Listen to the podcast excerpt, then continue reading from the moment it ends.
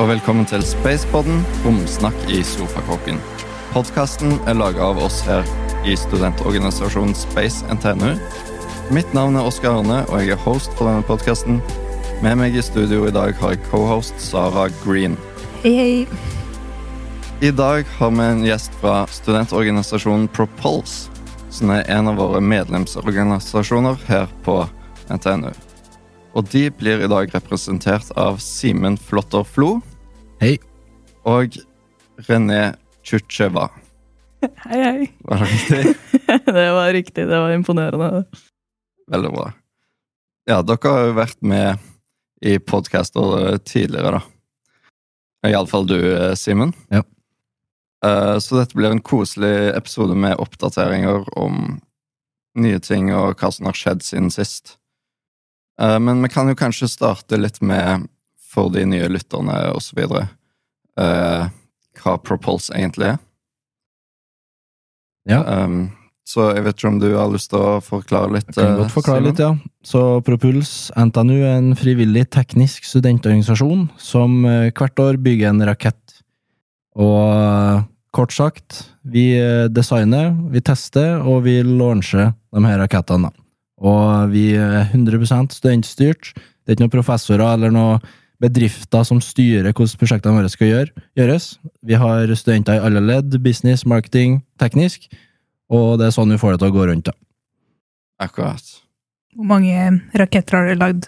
Vi har lagd eh, Vi har launcha fire raketter. Og vi har prøvd å lage fem, og nå er vi på nummer seks, da. Så vi har holdt på siden 2018. Og rakettene har lansa på internasjonale studentkonkurranser, hvor målet er å treffe en spesifikk høyde så presist som mulig. Og vi har gjort det forholdsvis bra. Vi har gjort det bedre og bedre for hver gang vi har deltatt, da, egentlig.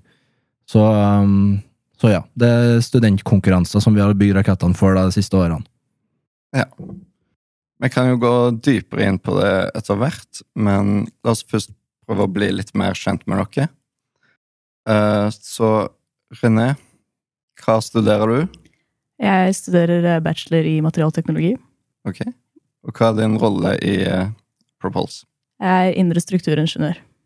Så alt som er inni raketten, skal jeg og to uh, veldig koselige gutter, Adrian Oskar og Sondre, det er det vi skal ta oss av. Oi, enda en, enda en Oskar. Ja, ja. Så gøy. Uh, ja.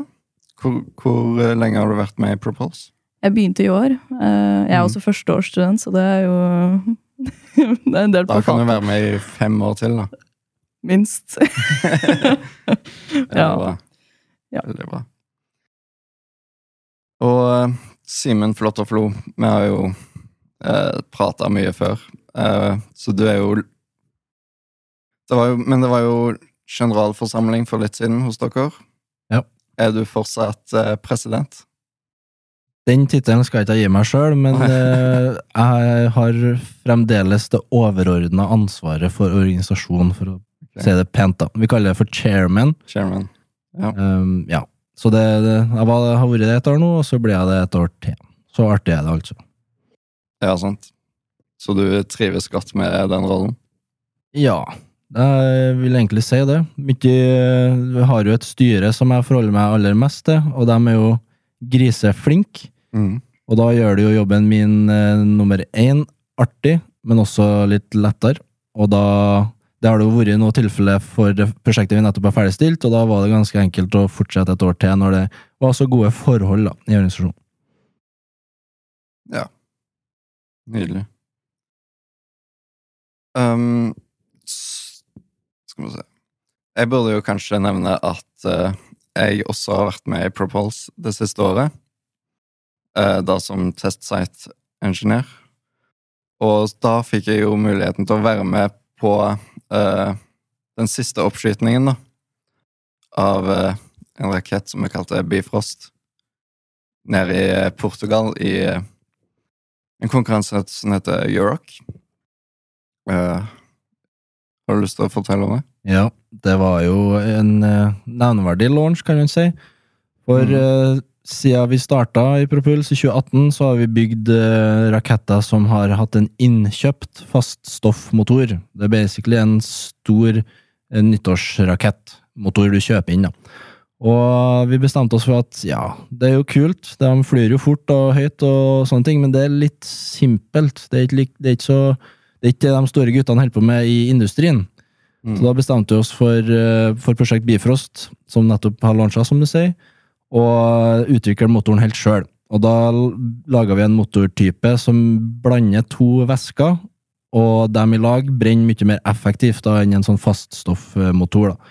Det er jo mye mer krevende. Du har eh, en eh, tusendobling av eh, komponenter. Du har én komponent som blir til tusen da, når du går fra faststoff til, til væske, så det har vært ganske vanskelig.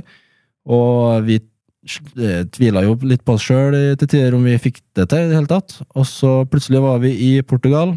Plutselig så fløy den. Og ble med det Norges første væskedrevet rakett til å fly. Ble også Europas største studentutvikla væskedrevet til å fly.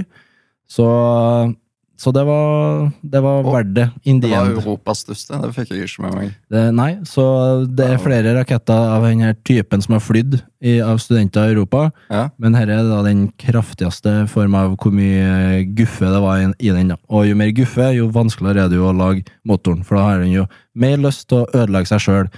Fordi at det er så det er varmt, det er høyt trykk, det, ja, det er krevende forhold å være en motor, rett og slett. Ja, sant, sant. Men jeg girer dette deg av å høre uh, Ja, ja, sånne ja. historier? Ja, ja, ja. Nei, jeg husker jeg satt i Jeg hadde forelesninger eh, de dagene det var oppskyting. Så jeg satt uh, det var, Første forelesninga var en sikkerhetsforelesning. Og det var da første eh, launch-vindu for eh, Bifrost eh, Så du satt og så på Ja, ja, livestreamen? ja, absolutt. Jeg satt og så på livestreamen, og jeg, jeg tenkte sånn Ok, okay rekker jeg rekker det å skyte opp før jeg må liksom, til neste forelesning? For neste forelesning var jo matte, og der må jeg faktisk følge med. Men eh, ja, jeg satt og så på Vi var tre-fire stykker på, på samme rad som eh, så på livestreamen.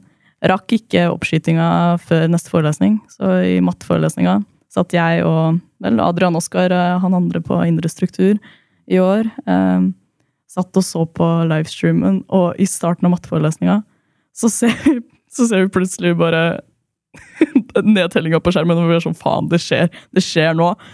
Og så plutselig så hører vi ignition, helt stille. Og så ser vi røyken, og så begynte vi faen meg å banke på bord, på eh, stoler. Vi begynte å juble i matteforelesninga. Fikk sånn adrenalinkick. Matteforeleseren så på oss og var sånn Hva i alle dager? Men eh, ja, nei, det var eh, Var gira, ja, for å si det sånn. Ja, det var jo en ganske spennende launch. Jeg var jo til stede. Og det var jo Ja, eh, ganske tens rett før, da. Fordi det ble en, en liten utsetning. Vi skulle egentlig skyte opp aller først av Det er jo sånn fire-fem stykk som gjør seg klare på en gang. Og så er det innen en time så skal de fire skyte, da. Vi skulle egentlig være den første av de, men eh, så ble det utsatt, da.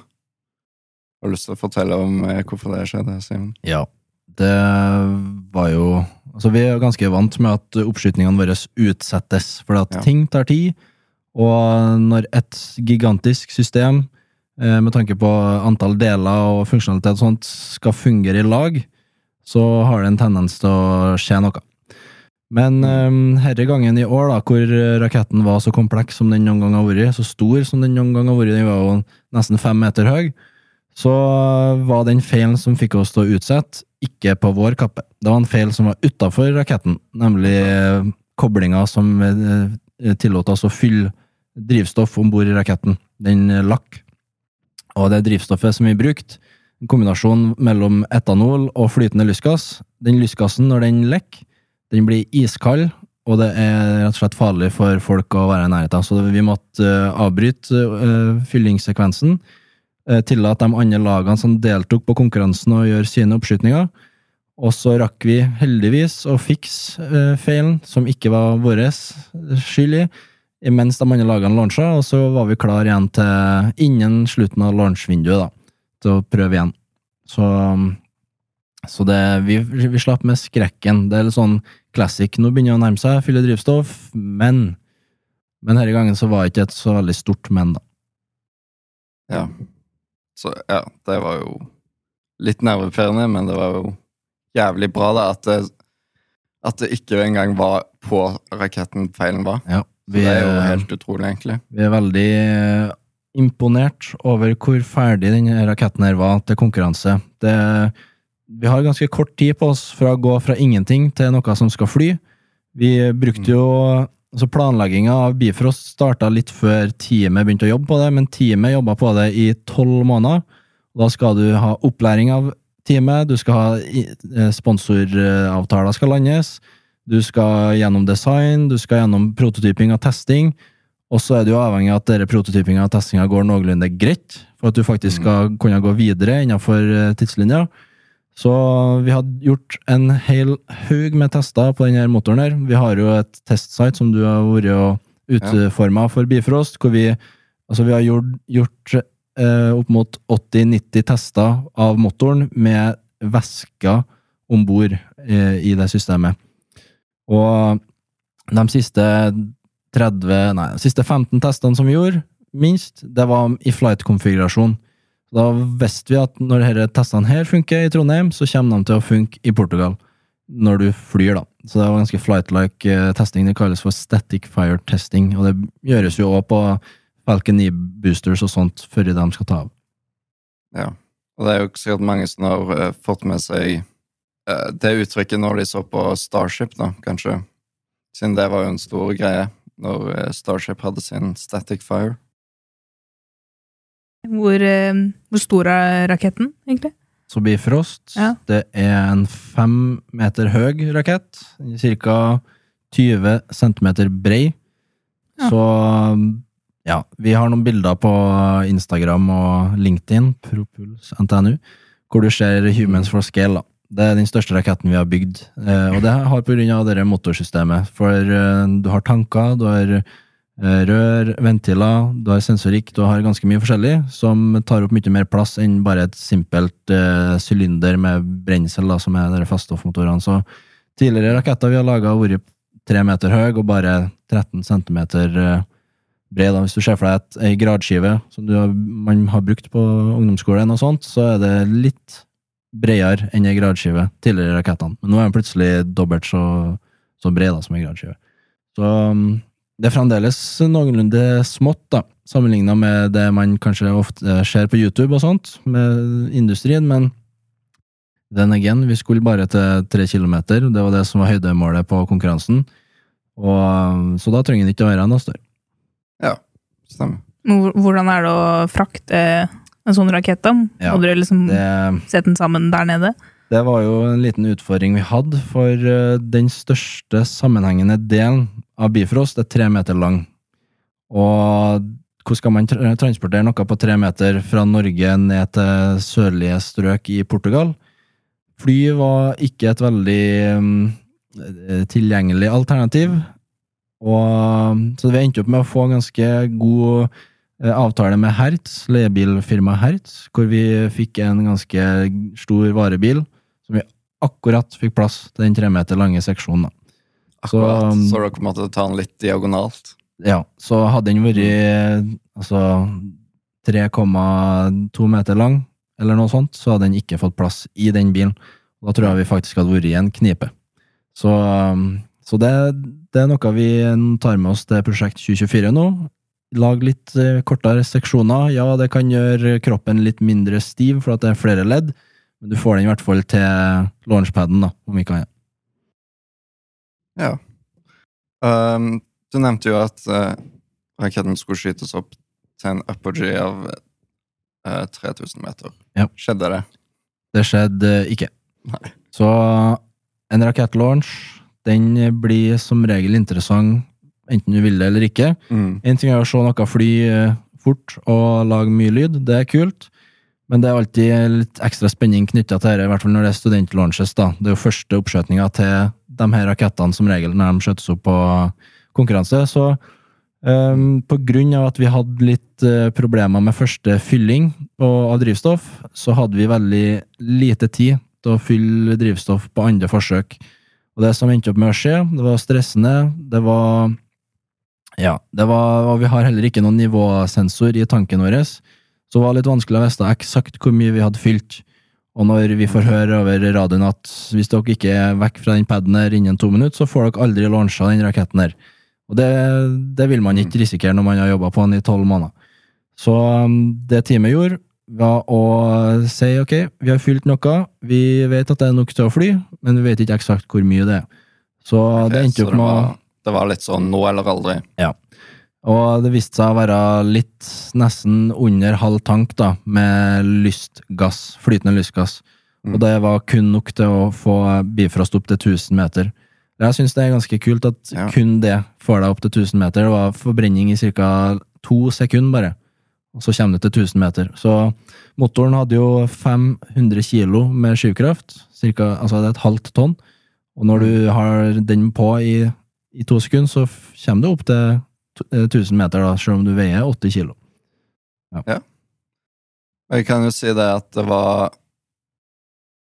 Det var vel Det var ingen andre av de andre eh, rakettlagene som, med flytende drivstoff som kom så høyt.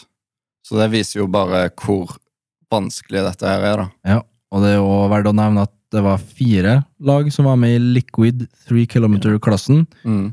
Um, og to launcher, som du nevnte. Eller, det var bare to som launcha. Ja. Vi til 1000 meter, og um, det andre laget til vet ikke, 200 meter. Og de andre lagene der igjen, de launcha ikke i det hele tatt, for de var ikke ja, Systemene funka ikke sånn tiltenkt, da. Og det, det er veldig forståelig. Det, hadde, det var et eh, en nevneverdig sannsynlighet for at det å kunne skje med oss. At vi aldri fikk launcha. For det er Ja. mye som skal klaffe for at du får launcha innenfor det 45 minutter lange launchvinduet som du får tildelt. Så tolv måneder med jobbing. Flere av lagene hadde jo flere år med prosjektering på rakettene som skulle fly. Så skal alt plutselig avgjøres innenfor tre kvarter. Så det er en nevneverdig risiko for at man ikke blir klar til å launch, da, selv om man er på konkurranse. Det var jo kanskje litt flaks at vi fikk launcha òg, da. Ja, Mm. hvis vi ikke hadde Hvis launchvinduet hadde vært kortere, eller at eh, arrangørene ikke hadde Hvis det hadde vært veldig høy sannsynlighet for at alle lagene som skulle launch den dagen, faktisk kom til å launch, så hadde de ikke strukket ut eh, De hadde ikke vært så, så løse i kantene med oss, da, sånn at vi fikk et forsøk til. For det som, det er egentlig bare ett forsøk per gruppe. da. Men alt i flyturen gikk jo ikke helt med hell. Nei, Fordi på vei ned- ja. Hva så du på vei ned? Ok, Det jeg så på vei ned, var Det var et eller annet fallskjerm som utleste seg. En liten. En drogeshoot. Og så eh, eh, var det en stor klump som kom etter, eh, men som da ikke gjorde noe særlig til å bremse den videre ned. da. Ja. Så han kom, smalt i bakken i ganske høy fart. Det, det samme observerte jeg, da, for å si det sånn. Så vi utløste eh, den lille fallskjermen vår, pilotfallskjermen, eller drogeshooten, på Mm. toppunktet. Det er avionikken, eller elektronikken om bord, det er en av hovedoppgavene til den, da. Få ut fallskjermene. Og det funka.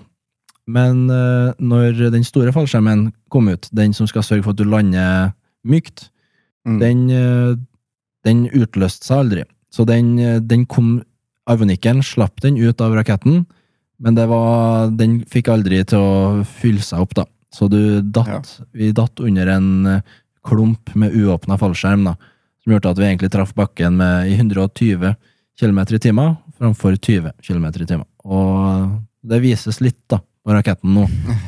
Så, Den er litt eh, bøyd og Ja. ødelagt og så videre. Ja. Ja.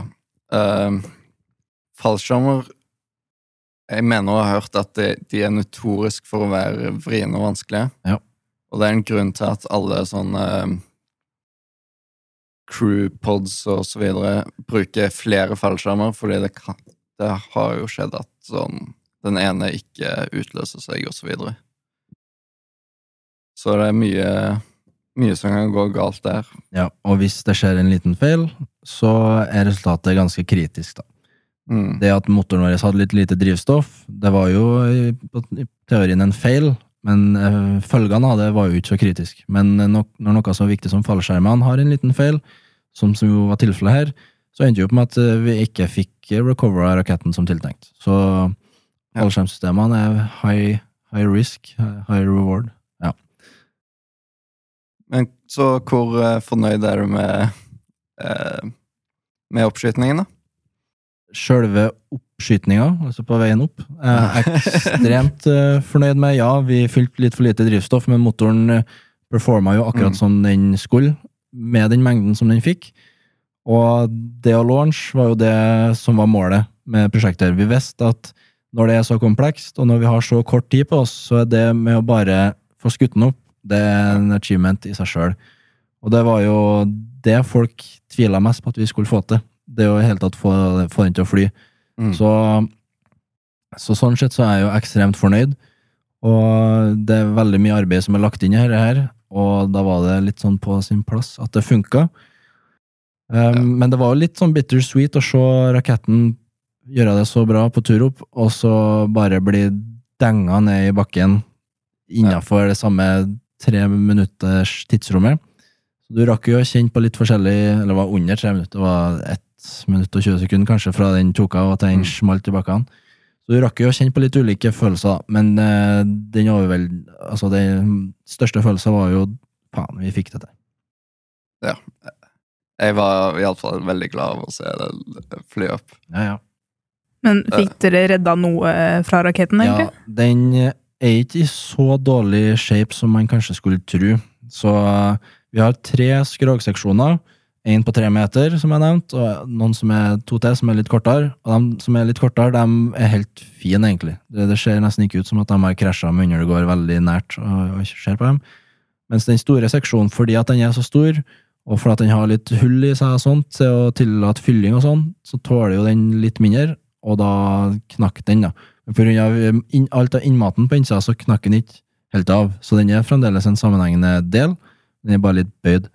Så, um, og innmaten tålte jo ikke eh, den krasjen så veldig godt. altså Selv om skrogseksjonene klarte seg, så var det ganske mangled. Men vi, og selve brennkammeret, der eh, flammene kommer ut av, kanskje det mest komplekse ved en væskedrevet rakettmotor med regenerativ, aktiv kjøling, um, det overlevde. Så det, det kunne ha blitt flydd igjen. Wow. Så dere har kanskje lært veldig mye av, av dette, da? Jeg Ja. enig med det? Det, vi har lært eksakt hva som funka ved valgene som vi har tatt Mm. for Bifrost. Det var ganske mange. Det var ikke et prosjekt som var 100% spikra på hvordan det skulle se ut til slutt i starten. Mm. Så vi gjorde jo en gang, ganske mange ulike valg på hvordan det skulle bli. Og så har vi jo lært eh, hva at recovery, altså fallskjermsekvensen, stadig viser seg å være den vanskeligste delen. da. Det er jo sånn saying på konkurransene recovery is the hardest part. Vi trodde at her, i år skulle motoren være det, men igjen det, så kom dere fallskjermene og bet oss i ræva igjen. Right. Så det er mange lærdommer å ta med til videre prosjekter. Ja. Og da lurer jeg litt på hva er neste prosjekt? Neste prosjekt, det må jo alltid være større og bedre enn det foregående prosjektet. Absolutt. Så, absolutt. så vi går tilbake til faststoffmotorer. Nei, vi eh, skalerer opp eh, raketten. Vi Ja. syns jo at 1000 meter er kult, men det er ikke Det er kult egentlig bare for oss. Så vi har lyst til å fære litt høyere, da, sånn at folk eh, Eller ikke for at folk skal få forståelse, det er ikke derfor vi gjør det, men det vil jo resultere i at folk får litt mer forståelse i kapabiliteten til teknologien. Så vi skal til Mm. 10 000 meter med en væskedrevet rakett som så, ja, så det å komme seg til 10 000 meter, det er jo det nivået som våre raketter har vært på tidligere med faststoffmotor. Nå skal vi komme oss opp på det samme nivået med den nye arkitekturen. Da. Og hensikten da er å lande på en ganske stabil, eller en ganske robust plattform for eh, væskedrevet raketteknologi, som framtidige medlemmer og prosjektledere kan enten fortsette å lage utgaver av år etter år og være på konkurranser, eller skalere opp til enda større høyder, hvis det er ønskelig. Eh, Vi har jo et overordna mål i organisasjonen om å nå 100 km, grensa til verdensrommet, og da vil jo den eh, plattformen her kunne eh, tillate den satsinga hvis det er noe organisasjonen har lyst til videre, da. Etter mi og min og Renny sin tid, da. For eksempel. Men ja, oppsummert. Væskedrevet 10 000 meter, det er målet. Alright, right. Innen utgangen av 2024. Så vi har Så ikke det er noe fortsatt et ettårsprosjekt. Riktig. Og ja, så det blir ikke Vi har, kommer til å ha det travelt det kommende året òg. Ja. Så eh, René, du skal jo jobbe på dette prosjektet her. Det skal jeg. Eh, hva er, har du vært med på idémyldring og så videre? Ja, det har jeg. Hva er planen? Åh, jeg vet ikke helt hvor mye jeg kan si, men eh, vel, først og fremst så har vi jo lyst til å prøve å fjerne det recovery-problemet, da. Eh, Mhm. Vi har faktisk lyst til å ha et system som fungerer, og som får uh, trykt ned på bakken igjen. Eh, så eh, recovery-teamet nå har jo begynt å jobbe med et nytt system Ok, eh, som mortar-system. Det vil si at uh, istedenfor å separere raketten, så skytes uh, fallskjermene ut av raketten på en og hver side. ah. Ja. Stilig. Stilig, ja. Eh, og det er egentlig et ganske stort steg, eh, med tanken på at ja, vi vil jo til verdensrommet, og vi, Mm. vi vil jo utvikle teknologien sånn at eh, vi en dag kan bruke det vi gjør nå, til å vel komme oss til verdensrommet. Og det å drive og separere en rakett eh, Slippe ut en fallskjerm her, slippe ut en fallskjerm der, eh, når man er eh, 100 km opp i lufta, det, det, er ikke, det er ikke sånn det skal være, og det funker ikke så fett. Ja. Uh, mildt sagt. Uh, så i år så, så blir det mest sannsynlig ikke noe separasjon. Det blir eh, nytt system. Og det, Det er dritkult å Det finne på. kult, ja. Så- Eh, ja. Ja, nei. Eh, det kan jo gå gærent, det òg, med tanke på at ja, nytt system, mye testing skal til, mye, mye planlegging skal til. Eh, men eh, jeg personlig har tro, trua på eh, recovery-teamet. Altså, de er kloke gutter, og de, de har jobba veldig hardt. Kommet med veldig mye klokt. Det er veldig mye tøft på to måneder nå. Ja. Så um, det, det, det skal gå. Ja, man må være optimist. Mm. Jeg hørte noe, noen rykter om at vi skulle skyte opp i Norge. Ja. Kommer det til å skje? Det, Det sa dere jo i fjor òg, da. Ja, så vi har jo sagt det før, vi sier det igjen. Uh, I år har vi tatt litt uh, større measures for å få, sørge for at det skjer. Okay. Så i fjor, på Bifrost, så prøvde vi uh, å ha dialog med Anja for å få Mm. oppskyting der. Det viste seg å ikke være så enkelt. Det er vanskelig å prioritere eh, frivillige studenter når det er kommersielle aktører som står i kø for å drive aktivitet oppå der. Det er for så vidt forståelig. Um, men vi vil, jo, vil jo fremdeles launche Norge. Og hvorfor vil vi launche Norge? Jo, det er for at vi har lyst til å komme oss til 100 km. Vi, det ser for oss ut som at Norge er en ganske ideell plass å gjøre det fra. Så ved å ta en launch til 10 km nå, så, så etablerer man båndene, og man etablerer bakkestrukturen til å tillate eh, videre satsing framover. da. Mens konkurransene som vi har deltatt på, de har et øvre tak på 9 km. Så, så der stopper det prosessen for å komme seg høyere, da.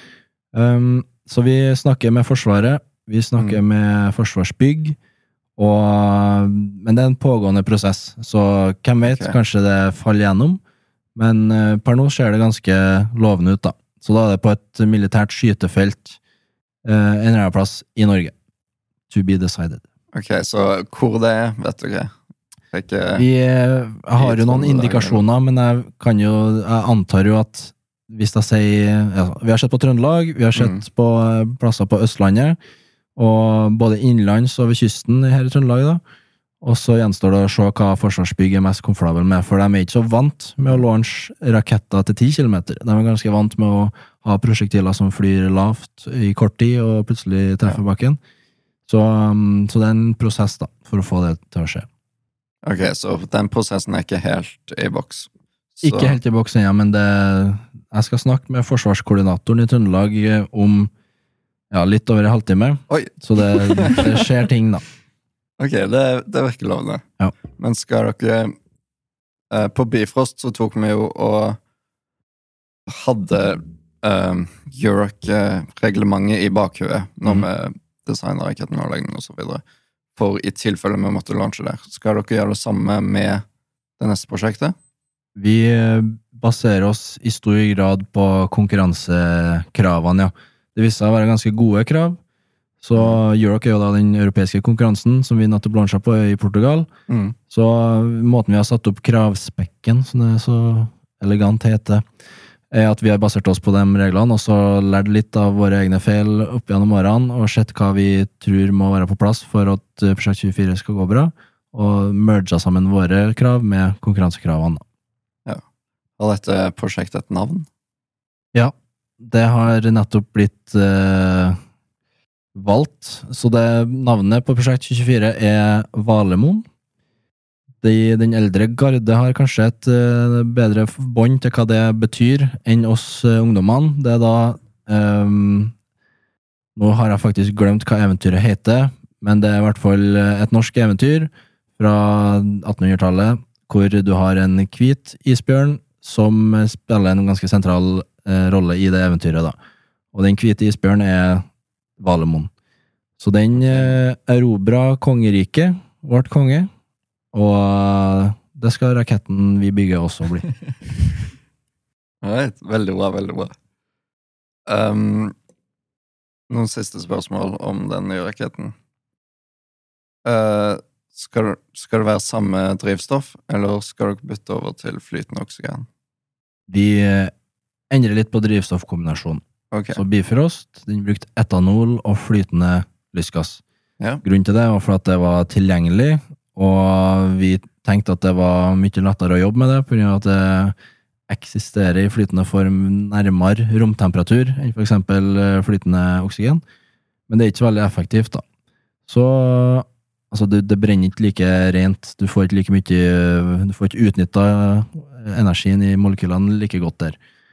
Så for prosjekt eh, Valemon, som vi nå vet at det heter, så bruker vi blanding mellom propan og flytende oksygen. Altså flytende propan Ja. og flytende oksygen. Og da er vi på minus eh, 180 noe grader celsius på oksygenet, i hvert fall. Så det er en litt annen deal. Men det er jo Du får jo Sørger jo for at propanet får kun det det trenger da, å reagere med, altså rent oksygen. Så da Mm. blir det en veldig effektiv eh, forbrenning, og da får du utnytta mer av massen drivstoff du har om bord, til å generere skyvkraft. da.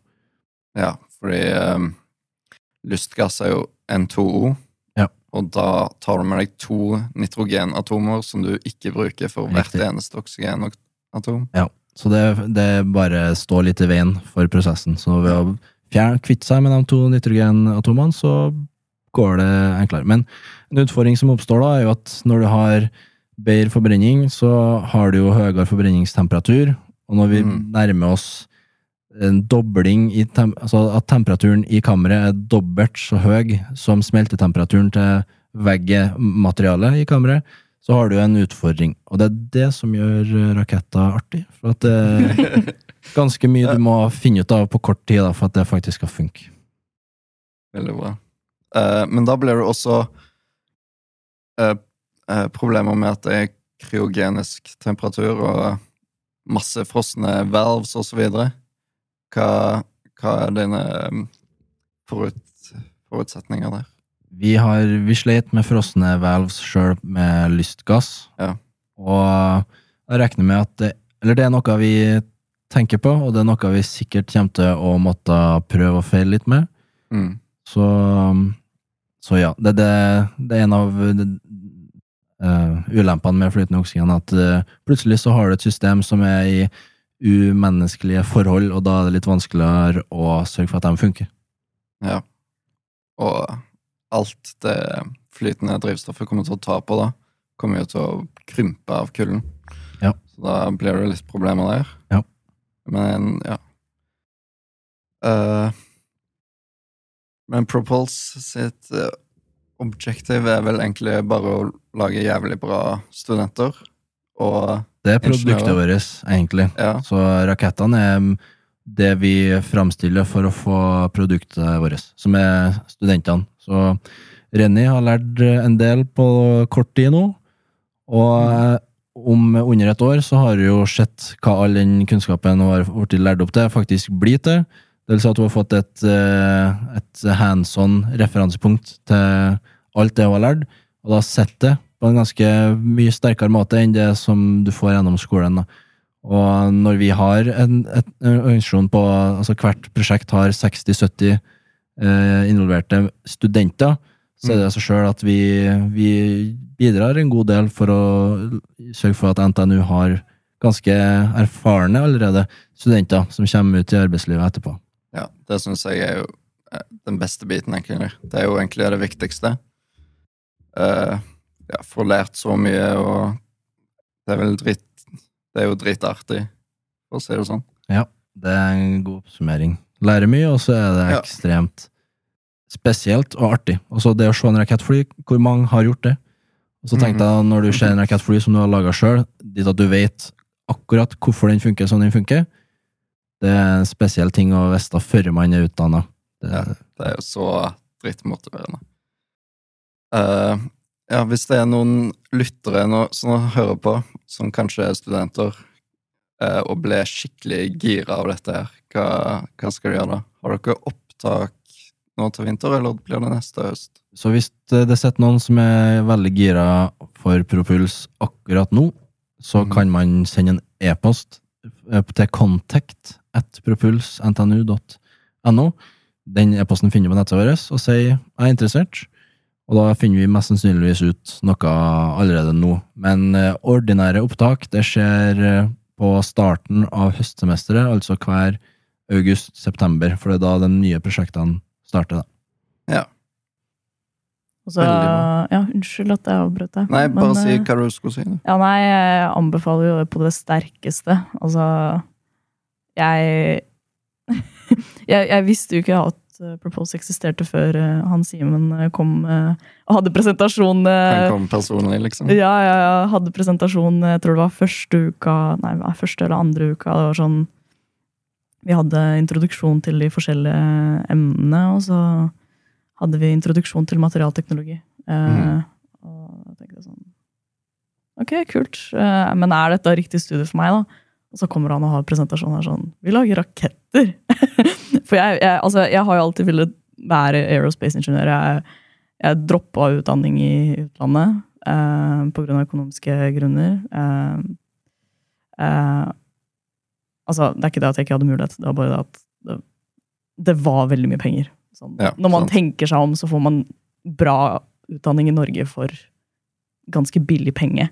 Mm. Um, men jeg kom inn på material, eh, materialteknologi, og jeg, jeg tenkte sånn Er dette egentlig, er dette egentlig riktig? Kan jeg liksom bli aerospace-ingeniør? Eh, på samme måte som jeg kunne blitt det hvis jeg studerte eksempel i England. Eller Mm. i USA. Eller, ikke sant? Jeg, jeg, jeg satt og jeg hadde den der klumpen i halsen. Og, og så, så kom han og hadde presentasjoner sånn Ja, jeg gikk materialteknologi. jeg driver og lager raketter. Vi har det her som liksom vi, vi lager raketter på fulltid, studerer på fritiden. Og jeg tenkte sånn Fy søren. Og jeg begynte å skrive søknaden allerede mens han, eh, mens han holdt på. Jeg pulla opp eh, telefonen. Jeg begynte å skrive på Google Form. Det er en veldig enkel søknadsprosess. Jeg må, jeg må innrømme å si det. Det er bra jobba. Ja, nei, men så Ja, det er det var. Ja, ja, ja. Så uansett hvor mye jobb man uh, tror det kommer til å være, uh, ikke vær redd. Uh, for Mm. mye av det vi gjør i Propose, spesielt hvis man hva skal jeg si, blir tatt opp i et av disiplinene som er relevant til det man studerer. Da. Hvis man er ingeniør, eller vil bli ingeniør eller studere noe ingeniørrelatert og vel, jobbe med noe ingeniørrelatert til Propose, så så lærer man jo allerede ting som tas opp eh, på studiet. Bare at man får veldig mye praktisk eh, øve, øving av det. da. Så- jeg, måtte sitte og jeg måtte researche produksjonsmetoder. Nå, Først nå begynte vi å lære om eh, produksjonsmetoder og materialforestilling. Så det var Altså, jeg satt jo med to-tre måneders eh, eh, kunnskap i forkant. Og det var, det var verdt det, syns jeg. Så Ja. Jeg vet jo godt hvordan du Ja. føler deg. Uh, jeg kan jo kanskje si det at uh, Ja, jeg jobba jo før jeg begynte på NTNU. Uh, og jeg, jeg hadde jo en interesse i romfart. Men jeg tenkte ikke det var mulig å jobbe med det i Norge. Men så hørte jeg jo Jeg hørte faktisk på Spaceboden da når Erlend eh, og Alexi var hoster.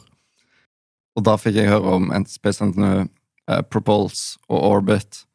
Og først da så bestemte jeg meg for å søke på NTNU. Så det, jo, det var jo det som gira meg eh, opp til å begynne å studere igjen. Så ja.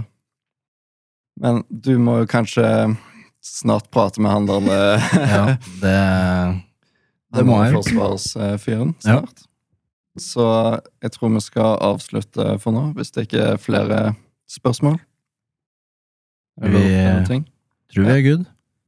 Da vil jeg si tusen takk til eh, Simen Flåtter Flo og René René. René med Y. med Y? Ja. René? Ja. Reny Chucheva. Navnet er- finner dere i beskrivelser til episoden. Ja. Prøv å Tusen uttale det takk til dere for at dere kom. Og hvis du vil høre mer på vår podkast, så sjekk oss ut på din prefererte podkastplattform. Vil du vite mer om uh, Space NTNU eller Propulse, så sjekk ut uh, Propulse på propulse.no eller Space NTNU på spacentnu.no. Eh, det var det for denne gangen. Takk for oss, og ha en god dag videre.